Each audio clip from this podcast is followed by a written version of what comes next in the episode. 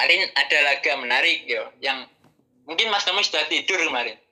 Aku kirimi gambar aja Zira nonton Mas kemarin. Saya sempat nonton sampai skor 2-0 setelah itu saya tinggal karena berikutnya saya harus makan sahur. Iya, iya, aku kemarin juga nontonnya 2-0. Tim Uni Emirat Arab ini ternyata luar biasa ya. Aku baru tahu, oh, mainnya Asia Barat banget ini.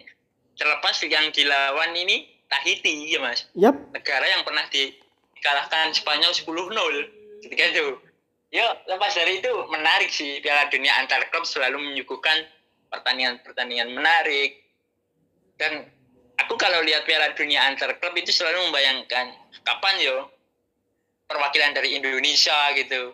Kapan yo Indonesia jadi tuan rumah. Tapi Mas Mas Nomo pernah bilang kita benahilah sistem sepak bola di Indonesia dulu sebelum sebelum mengarah ke sana.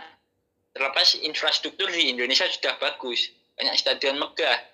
Tapi justru sistemnya ini yang yang belum belum bisa dibenahi. Yes. Nah, aku kadang meski mesti seperti itu.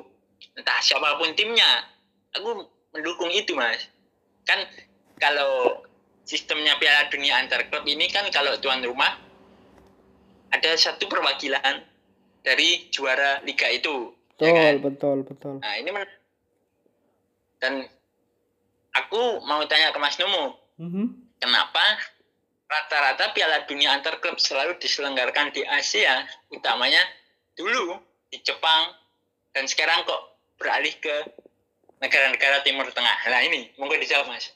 Ini sebenarnya sudah ada di materi untuk podcast yang tadi siang mentahannya sudah saya kirimkan ya, cuman belum dirilis. Pak. Gak apa-apa. Asik aja dibahas ini. Siap. Mungkin nanti teman-teman untuk bisa lebih lebih detailnya bisa ini ya mendengarkan catatan mengenai Piala Dunia antar klub yang sudah saya kirimkan materinya ke Mas Surya nanti bisa diupload setelah ini, setelah perbincangan ini karena background dan judulnya juga sudah ada. Eh, begini, kenapa harus di Asia? Kenapa selalu di Asia? Cikal bakal aslinya dari Piala Dunia antar klub ini adalah Piala Interkontinental atau yang dulu mungkin Mas Surya dan teman-teman yang menyaksikan pernah mendengar namanya Piala Toyota. Toyota, iya. Piala Kontinental. Nah, Ya, Toyota. di sini memang kepentingannya adalah sponsor. Ya, nama Iya. nama nama merek mobil, merek otomotif. Eh semakin lama hanya mempertemukan Eropa, Amerika Latin, Eropa, Amerika Latin sejak tahun 1960. Kemudian di tahun 2000 itu sebenarnya pernah digelar sekali di Brazil. Ini cikal bakalnya Piala Dunia antar klub perdana justru di Brazil. Juaranya adalah Corinthians menang adu penalti. Menang adu penalti ketika menghadapi Vasco da Gama. Nah, Set- setelah itu apa yang terjadi? Piala Toyota Interkontinental masih jalan. Masih jalan di 2001, 2002, 2003, 2004 itu masih jalan. Kemudian jalan. Piala Dunia antar klub atau Club World Championship bentukan FIFA ini di 2001 sampai 2004 ini vakum. 2001 sampai 2004, tiga tahun vakum. Tiga tahun vakum karena salah satu sponsornya ini bangkrut namanya Leisure. Dari dari dari Itu. dari Prancis dari Perancis. betul betul. Leisure. Nama sponsornya Leisure. Dari Prancis itu bangkrut ya. Kemudian di 2005 karena Piala Toyota ini hanya menyajikan persaingan dua klub dari dua kutub berbeda. Yang satu Eropa satu Amerika Latin. Kan tidak ada level of kompetitifnya mas. Hmm. nggak ada level kompetitifnya tidak ada seru-serunya lah ya istilahnya. Jadinya di 2005 antara World Club Championship dengan Piala Toyota ini merger. Gabung gitu. Hmm. akhirnya menjadi FIFA Toyota World Cup Club, Club World Cup gitu. FIFA Toyota Club World Cup. Jadi eh, sejak 2005 itu sudah digelar di Jepang karena masih ada Toyota di situ. Masih ada nama Toyota. Sebenarnya kalaupun Leisure ini nggak bangkrut itu, kalaupun Leisure ini nggak bangkrut, maka 2001 itu digelar di Spanyol, Mas. 2001 di Spanyol. Iya, Hmm. iya. Kalau kalau nggak ini ya, kalau nggak bangkrut ya, itu digelar di Spanyol. Karena Spanyol sudah mengajukan diri waktu itu sebagai tuan rumah. Soalnya Benar. Namanya adalah Campeonato Mundial de Clubs de la FIFA Espanya 2001. hmm. Cuman sayang batal. Karena tadi sponsornya bangkrut. Originally itu dibatalkan sampai tahun 2003. Tapi ternyata setelah 2003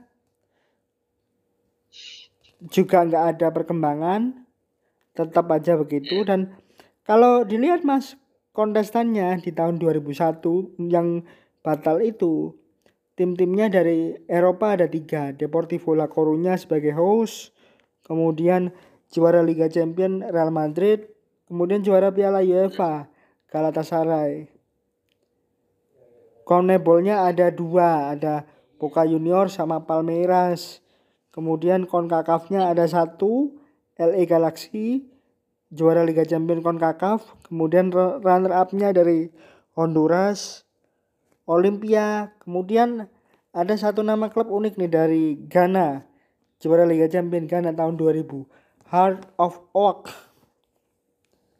Hmm. Dari Afrika ya, Da- berarti. dari Ghana ada juga Zamalek, lalu Al Hilal di Liga Champion Asia, Gila.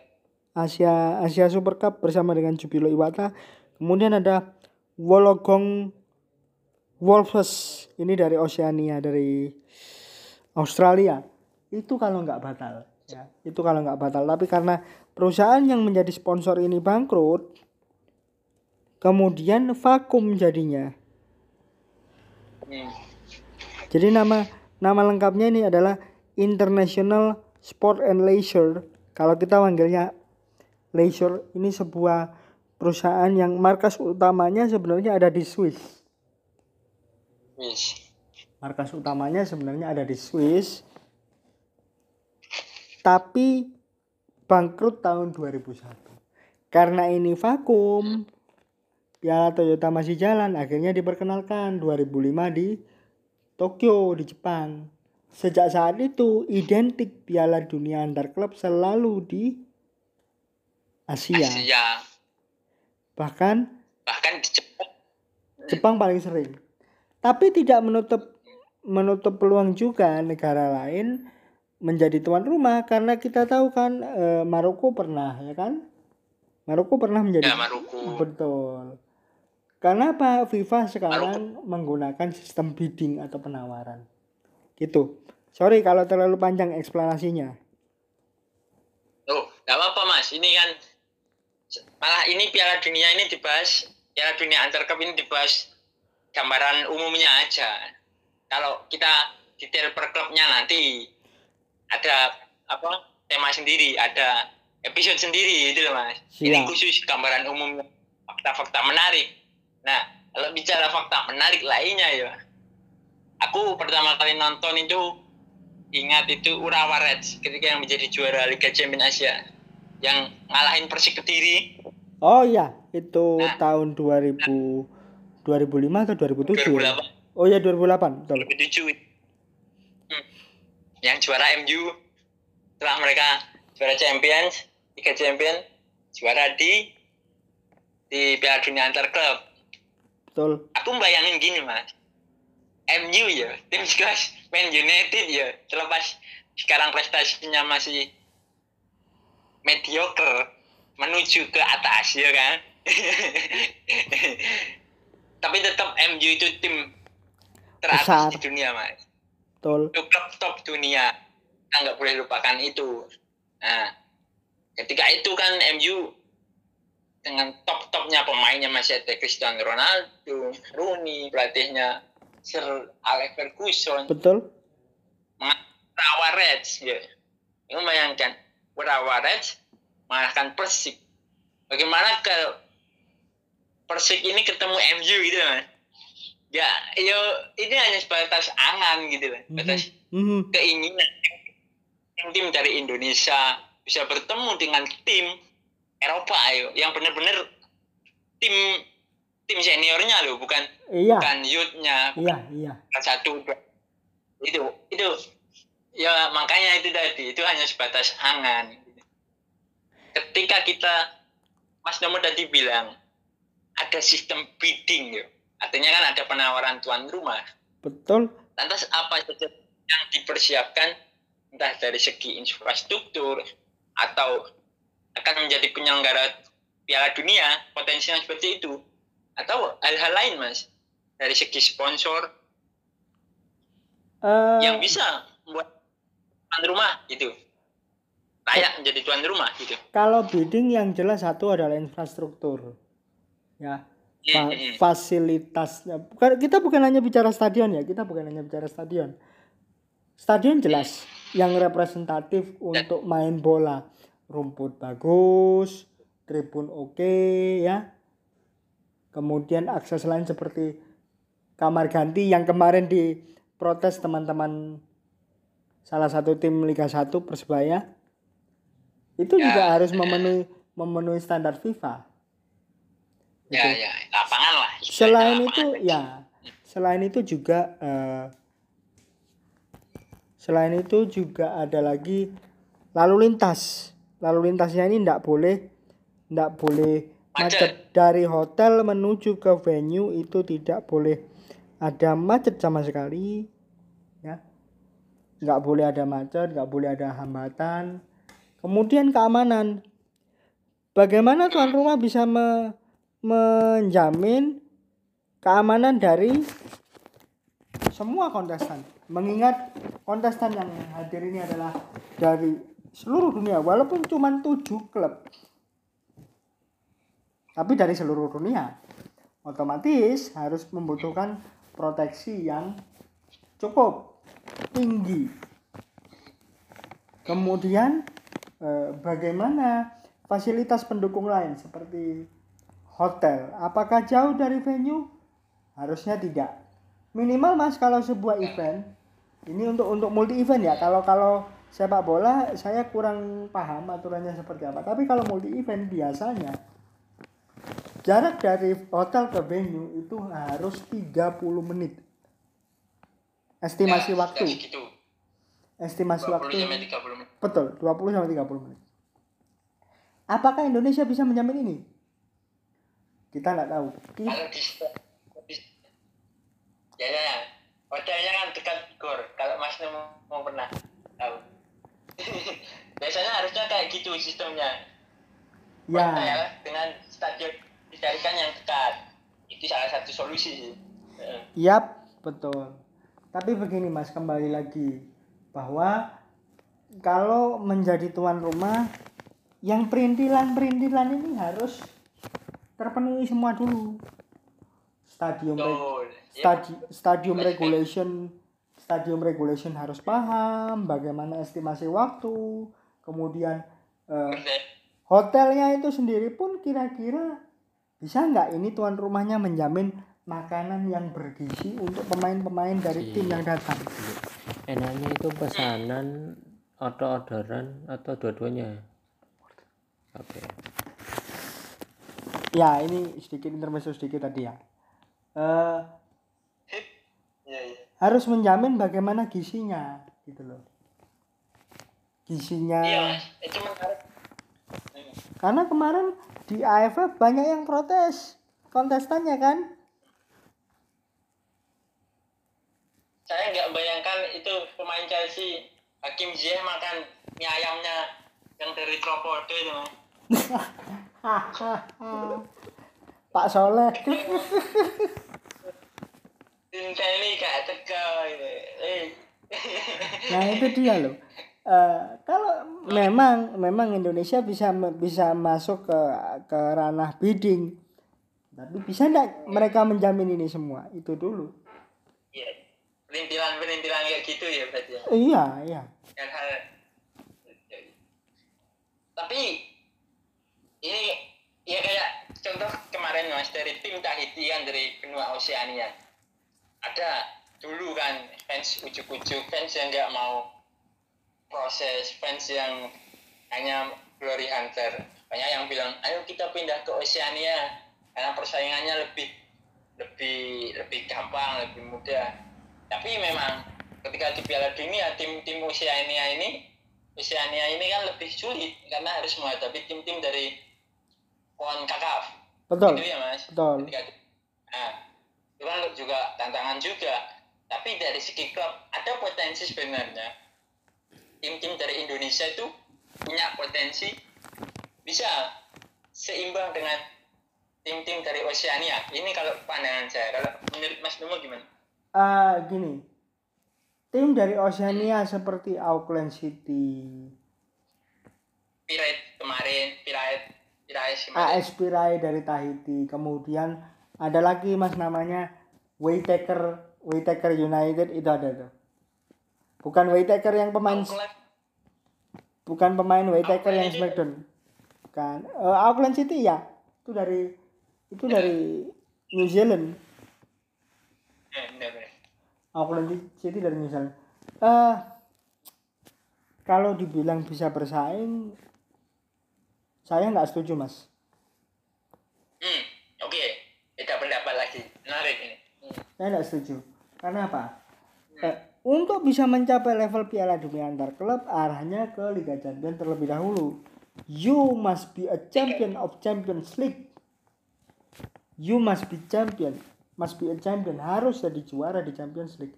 Cuman masalahnya adalah paradigma dari pelatih-pelatih Liga Indonesia kita itu cuman level domestik. Ketika level hmm. antar klub ya wis karepmu. Gitu ya mas? Itu itu masalah paradigma ya berarti? Iya. Cara berpikir pelatih lokal kita iya juara lokal ya sudah ya. juara juara lokal sudah didapat ya sudah selesai. Makanya kenapa kita iya kita cukup sulit untuk bersaing di di antar klub Asia bahkan. gitu ya Ya kita bukan berarti kan bukan berarti nggak berusaha tapi mas eh, bukan berarti tidak berusaha. Memang pertanyaannya mau atau tidak. Nah, sekarang gini, saya coba saya coba tanya, saya, saya pengen tahu eh, dari 18 klub Liga 1 itu yang punya lisensi berapa? sembilan dari segi aspek lisensi AFC AFC ini sembilan kalau yang aku tahu 9. Nah, dari 9 yang kemungkinan punya peluang untuk nembus ke Bakar. pre preeliminasi berapa? Hanya satu. Lima Hanya satu, Mas. oh iya untuk ke Liga Championnya Iya, Eh, hanya juaranya satu. Karena sportnya Indonesia cuma punya satu. Nah, dari Ya. dari satu klub yang ada di fase praeliminasi, praeliminasi ya, bukan bukan playoff atau apa, praeliminasi. Hmm. Dari satu yang ada, peluangnya berapa untuk bisa lolos ke fase grup? Nol, nol nggak ada. Hmm. Karena apa? Ya Nah, itu kalau- susah gitu. kalau bayangkan contohnya kita berada di Oceania gitu mas misalnya tetap kayak gitu ya berarti ya paradigma itu tadi yang mengganggu ya Iya. Loh, Hmm. kalau di kalau di Oceania mungkin yang terkuat adalah Auckland City, Waytaker United dari dari mana? Selandia Baru, New Zealand. Kemudian ada klub-klub dari dari New Caledonia. New Caledonia kelompok umurnya sudah merasakan Piala Dunia. Kemudian ada Tahiti. Negara-negara yang sebenarnya secara pemain profesional mereka tidak memiliki karena eh, kebanyakan mereka adalah pekerja paruh waktu tapi kompetisinya cukup tertata sangat sangat Hmm. tertata sangat sangat tertata Iya iya. walaupun sebenarnya untuk negara-negara di Oseania itu lebih ke arah rugby seven series terutama untuk Selandia Baru dan juga eh, sepak bola pantai karena memang secara Iya. iya kan secara geografis Yes. ya. lebih ke arah pantai ini negara-negara Oseania tapi ingat secara kompetisi mereka jauh lebih tertata rapi daripada kita memang kita tidak mengetahui karena tidak terekspos tapi kan dengan hadirnya seorang atau sebuah tim bernama AS Pirai yang berdiri sama seperti usia saya sekarang ini kan sudah menunjukkan bahwa Oseania yang sekecil itu negaranya bisa tampil. Itu loh mas. Hmm. Ya, ya, ya. Berarti menjadi evaluasi untuk negara Indonesia, sepak bola Indonesia untuk mengubah pola pikirnya gitu loh. Jangan Iya. stuck hanya di Indonesia gitu loh. Berpikir panjang kan. Seperti itu ya. Betul, betul, betul, betul. Jangan stuck hanya di di Indonesia saja, di liga domestik saja, tapi juga eh, harus ke step yang lebih tinggi. Dan paradigma ini tidak hanya harus dimiliki oleh pelatih, tapi semua pemain, Main yo. pemain Kalau supporter pasti penikmat pendukung itu pasti pingin gitu. Hmm, Semua pasti kepingin. betul. Iya. Kalau supporter pasti ada ada keinginan siapa sih yang nggak pengen ketemu tim-tim seperti eh, eh Buriram. Bukan, kita bicara Liga Champion dulu. Kita bicara Liga Champion dulu. Seperti seperti Buriram, kemudian Johor, terus Muangtong, di, Biji Batum Tani yang Asia Tenggara. Kemudian kalau di Asia Timur kita bertemu Swan Blue Wings, John Book, ya. Belum lagi yang di J League ada eh, Yokohama Marinos yang sahamnya juga dimiliki oleh Syekh Mansur. Hmm. Nah kalau kita bisa melewati ini semua baru silahkan berbicara berbicara Liga Champions Asia karena ingat kita menaikkan koefisien di Asia saja susah mas. Iya, iya. Naikin koefisien aja susah. Karena gini teman-teman. Iya, jatah ya. Iya, karena gini teman-teman. Eh, salah satu cara untuk menaikkan koefisien di sektor Asia adalah bagaimana caranya kamu bisa finish minimal di fase interzona atau fase semifinal untuk Piala AFC atau AFC Cup. Nah di sini kan tim-tim yang kita hadapi memang di level-level awal tim-tim yang kecil, tapi sekarang kita menghadapi tim-tim dari Kamboja, klub-klub dari Kamboja susah mas.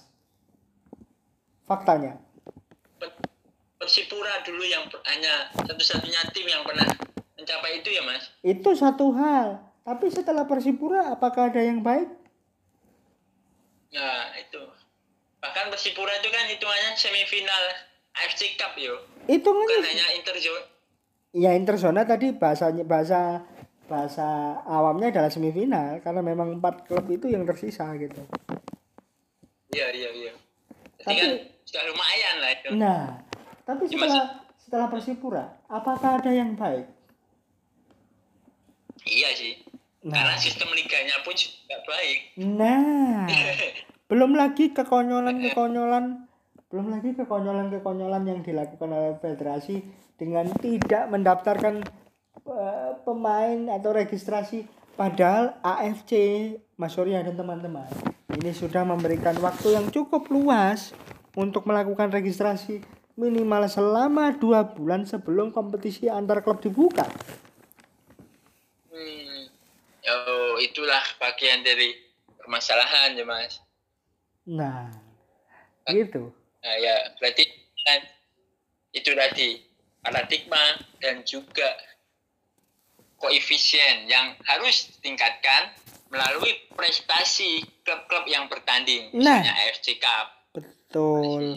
betul. Nah, Nah, kalau tadi sudah yang gitu. sudah yang sepaneng-sepaneng, yang keras-keras, yuk ke yang cantik-cantik. Piala Asia Wanita. masih belum selesai yang Piala Dunia antar klub. Tinggal satu bahasan. Oh gitu, siap. Ya. Iya. Maksudnya ini pertanyaan terakhir. Eropa, Amerika. Eropa, Amerika. Apa yang nonton ini kan pasti sudah bosen teman. Kalau enggak yang juara dari benua Eropa ya benua Amerika. Maksudku gini. Hal-hal kayak gini kan tetap menarik tuh sebenarnya. Meskipun Piala Dunia negara antar negara itu Piala Dunia ya. Itu kan sebenarnya yang juara dari Eropa, dari Amerika. Tapi namanya sepak bola ya, namanya sepak bola itu enggak nggak mungkin membosankan. Namanya sepak bola nggak mungkin membosankan. Selalu ada hal-hal yang menarik. Kalau Mas Nomi sendiri apa yang membuat Piala Dunia antar klub ini menarik? Dan Mas Nom punya nggak bayangan juara ini bukan dari Eropa atau Amerika Latin lagi. Memang ya, saya langsung jawab ya, Mas. Memang dari edisi, edisi perdana yang nanti akan materinya didengar di podcast Eropa mendominasi ya. Bahkan tahun kemarin Bayern Munchen juara di situ. Tapi walaupun kompetisi ini hanya di, didominasi oleh dua benua saja Eropa dan Amerika Latin ada potensi-potensi yang lain yang disimpan oleh negara-negara dari Asia, negara-negara dari CONCACAF, negara-negara dari Afrika untuk merusak ini merusak hegemoninya ini. Contoh kemarin eh, yang masuk final bukan klub Amerika Latin kan, tapi Tigres dari Meksiko. Ini kan di luar Ya, tradisi. Tigre. Tigre. Kemudian ketika Real Madrid juara, Kawasaki Frontale lawannya. Lawannya adalah Salah. Kashima Antlers dan juga Al Ain. Dari Asia semua itu? Dari Asia semua. Jadi Kashima nggak Dan nggak melulu iya sekarang nggak melulu nggak melulu Eropa dengan Latino ndak. Gitu loh. Bahkan yang Ya, mengejutkan adalah Alsat juga- ya mengejutkan Alsat Alsat juga tapi tidak se wow sebelum sebelumnya ya yang mengejutkan adalah se- eh, sebuah klub seperti Raja Casablanca dan juga TP Mazembe yang dikalahkan Inter TP di- Mazembe Ya, kalau Mas Surya masih ingat. Ini kan sebenarnya eh, klub-klub di luar yang kita prediksi kan. Siapa yang menyangka bahwa Al Ain bisa ke final? Padahal Al Ain statusnya tuan rumah, bukan juara apa-apa. iya Tuan rumah. Kan kayaknya kan tuan rumah itu juara di liga domestik mas Iya, itu sih tapi bisa ke final, bisa ke final. Bisa ke final luar dan biasa ya bertemu dengan Real Madrid. Yang luar biasa lagi Kashima Antlers. Tuan rumah juga ini. Tapi bisa ke final Hmm. dan meng- menyulitkan Real Madrid sehingga kalahnya di perpanjangan waktu. Cerita-cerita seperti ini yang bikin Piala Dunia antar klub itu punya punya daya tarik, punya daya pikat gitu loh. dan Chelsea mas Chelsea di musim ini harus mematahkan ketika mereka kalah lawan Corinthians ketika itu juara Liga Champions kalah tuh Chelsea Oh iya, dan betul. mereka harus ulang itu sukses gitu loh jangan sampai kalah lagi sebenarnya di musim ini Nah, kalau ini. kalau melihat kalau melihat ini kan eh, orang-orang pastinya berpikir, wah Chelsea bertemu Palmeiras, Chelsea bertemu Palmeiras. Iya, secara secara hitung-hitungan kasat mata begitu. Tapi coba kita lihat perjalanannya perjalanannya Chelsea dan juga Palmeiras nanti. Mereka kan berpeluang bertemu antara Al Hilal, Al Jazeera, Al Ahli atau Monterrey. Jadi, Dua dari empat klub ini kan akan bertemu Chelsea dan Palmeiras nanti. Dan di sinilah cerita mengejutkan biasanya terjadi. Kalau misalnya eh, dipakai rumus yang benar, Chelsea dan Palmeiras bisa ke final. But football is mystery. ya football is mystery Bung Sandi bilang is bal-balan itu gak bisa ditebak teka-teki Misteri sepak bola, betul. Ini jangan-jangan siapa tahu Al Hilal atau Al Jazeera bisa ke grand finale bertemu dengan salah satu di antara Chelsea dan Palmeiras. Who knows kan? bisa saja Iya.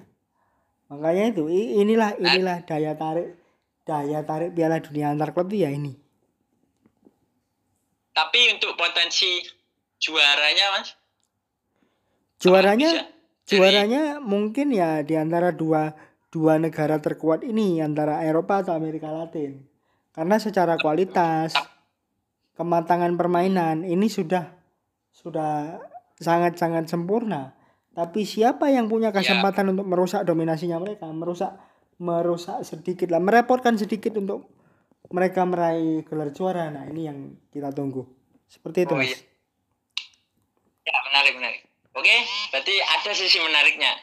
Tetap layak ditonton di TVRI ya mas. Kalau bagi yang belum tahu di ditayang di mana sih? Nah di TVRI kalau Piala Dunia antar klub ya mas. betul betul betul Ya kita langsung beralih ke yang di iNews sepak bola wanita Piala Asia. yang cantik-cantik Meng eh, tak kasih gambaran awalnya mengejutkan ini Korea sama Eh, Cina pun sebenarnya juga mengejutkan. Mereka susah payah menang adu penalti. Bahkan Hmm. sampai menit 0813 11 ya, Mas? Iya kan? 15 sampai 11 itu Jepang masih unggul 2-1. Kemarin Yap. aku kan sambil nonton toh dua pertandingan. Sambil nonton yang cewek sama Piala Dunia antar klub. Mhm. Ketika aku ke Piala Dunia antar klub, eh ternyata sudah di penalti. Kaget aku. Berarti Cina bisa menyamakan kedudukan. Nah, Yes. Lepas dari itu, semangat Cina untuk mengalahkan Jepang. Meskipun mereka memang dominan ya di sepak bola wanita Asia, Mhm. tapi kan dua tahun, dua edisi terakhir, Cina ini selalu kalah melawan Jepang. Baru Betul, kali ini betul. mereka menang lagi. Betul. Sendiri mas. Ini kita langsung berbicara ke final untuk mempersingkat waktu. Cina sama Korea ini bagaimana penampilannya sepanjang turnamen ini? Hmm. Kalau kita lihat Tiongkok dengan Wang Shanshan ya. Kaptennya yang kemarin jadi eksekutor terakhir itu dengan Tiong eh, eh, sorry South Korea dengan Korsel ini punya perbedaan gaya main ya mas. Yang satu Korsel ini cenderung eh, defensif mencari celah untuk counter. Yang satunya lagi ofensif. Jadi ini menarik. Offense versus defense, classic battle. Cuman di sini ya cuman di sini eh, karena karena Tiongkok sudah meraih 8 gelar juara Piala Asia Wanita otomatis lebih diunggulkan. Secara psikologis ini akan menjadi tekanan besar untuk Korsel kenapa? Karena mereka belum pernah meraih gelar juara satu kali pun belum pernah belum pernah. Tapi mencapai final, pernah mencapai final dan ini ada plus plusnya juga. Plus plusnya adalah ini sama-sama plus plus baik Tiongkok maupun Korsel sama-sama plus plus apa yang saya maksud di sini? Dua negara ini mengalahkan dua negara terkuat di Asia untuk sepak bolanya ya secara keseluruhan. Betul Australia dan Jepang. Bahkan mengejutkan Australia dikalahkan satu gol yang gol yang cantik menurut saya kalau kalau ukuran ukuran cewek ya. Eh, kelas. kelas long shoot. Itu seorang seorang cewek mas. Nah, Cewek. nah. Eh, Cuma saya belum tentu bisa. Iya ya kalau itu kalau itu urusan lain. cuman begini yang mau saya soroti pertama bukan bukan ke final dulu yang pertama adalah bagaimana dengan kalahnya Australia ini memberikan kesempatan bagi wakil Asia Tenggara untuk nambah satu satu slot lagi Ya, Filipina itu. antara Thailand. Thailand atau Vietnam. Kalau Thailand sudah gugur ya mas, jadi peluangnya tinggal Vietnam. Oh, yang play ya, Mas? Yang playoff itu betul. Iya, iya, iya. Ya. Itu untuk memperebutkan satu tiket ke Piala Dunia berarti. Satu tiket. Lima, lima per Iya. Awalnya kan empat karena Australia tuan rumah kan otomatis jadi cari cari cari empat. tapi karena Australia gugur kan jadi nambah satu lagi Oh, gitu ya mas. iya nah ini peluangnya ada di Vietnam. Kalau bisa mengalahkan Cina Taipei minggu nanti. Nah seru nih. Ada Filipina ada Vietnam. Dua negara yang secara kualitas sepak bola putrinya itu benar-benar bagus. Nah bagaimana untuk final? Prediksi saya ratunya akan kembali. The queen is back Cina ya. Yes, Tiongkok ya. Tiongkok the queen is back Nah, nah, ini penutup ya mas. Berarti kan ini nanti aku aku kasih saya mau kasih prediksi juga. Kalau dari aku kita akan melihat sepak bola wanita ini perjalanannya panjang ya. Meskipun nggak terlalu panjang sih. Ada timnas kita yang dibantai dikasih ilmu lah katakanlah sama tim-tim seperti Australia, Thailand, Filipina, Division Group, Indonesia dikasih ilmu, kemudian banyak kasus-kasus India yang WO atau workout akibat COVID ini kan beberapa hal-hal yang menarik di Piala Asia wanita tahun ini. Nah, kejutannya juga terjadi setelah Filipina bisa melaju ke semifinal dan untuk pertama kalinya ya mas ke Piala Dunia Wanita ya. betul betul Hmm, nah, Filipina mengikuti jejak Thailand yang sudah pernah ke Piala Dunia dari wakil Asia Tenggara dan bahkan bisa nanti disusul Vietnam. potensinya Kalau ada di Vietnam sana berpulang- Ya, tadi Mas Nemo juga sudah sampaikan itu rentetan ke belakang dari Piala Asia. Itu siapa juaranya? Aku kok punya pandangan sependapat sama Mas Nemo. Tiongkok punya mentalitas itu tadi punya rekor juara terbanyak dan ketika menghadapi Jepang juga sudah terlihat mentalitas mereka. Ketika tertinggal mereka bisa menyam- menyamakan kedudukan dan menang adu penalti. Itu kan menunjukkan bagaimana Tiongkok ini Chinese ini luar biasa. Terlepas kita kalau lihat Tiongkok lawan Korsel ini kan ingat bulu tangkis mas. Ya kalau wanita itu. Piala uber. Juve lawan An- itu eh, Jin Biao gitu-gitu. Menarik sebenarnya. Tapi kita melihat dari sisi sepak bola ini kan suguhan yang nggak boleh dilewatkan. Itu sih. Untuk siapa pun juaranya kita patut apresiasi. Itu betul sih. betul. Ya jadi itu ini merupakan akhir ya mas. Akhir dari pertemuan kita yang kalau dihitung secara durasi di timer saya ini sudah satu jam 42 menit. Wih, gak apa-apa. Bonus.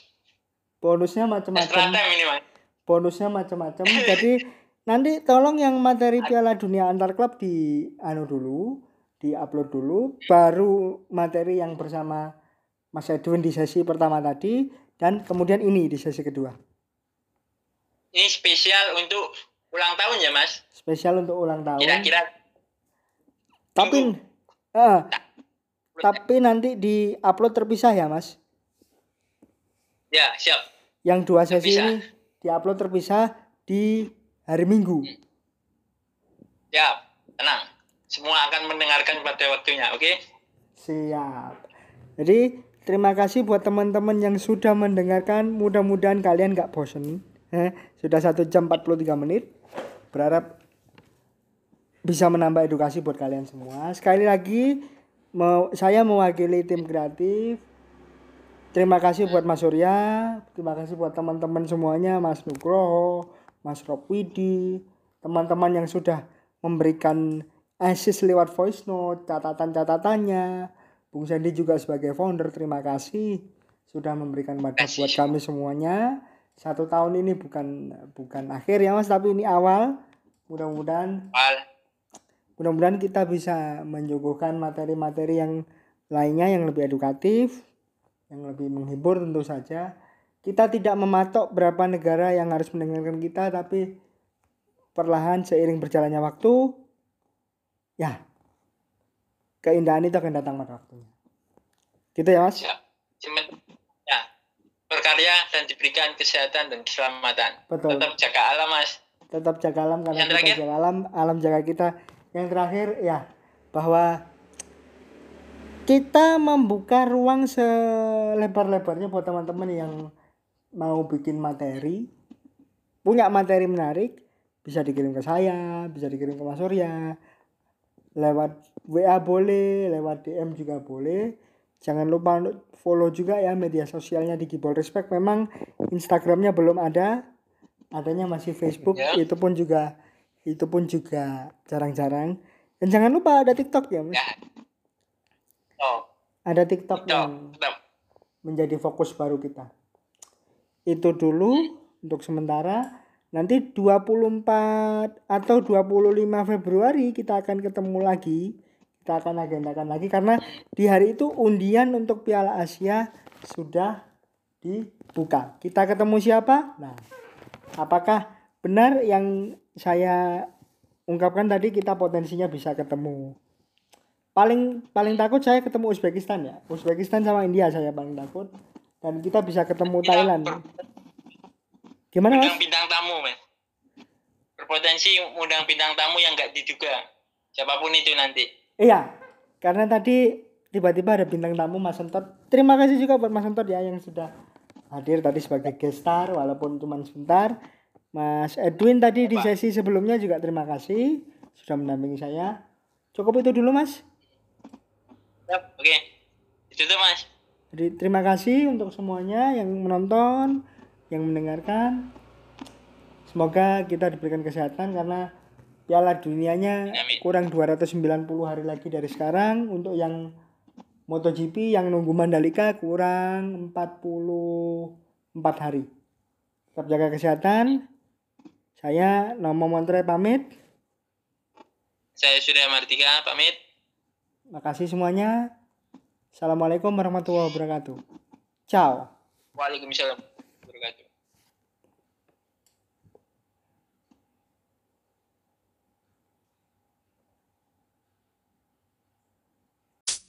You know,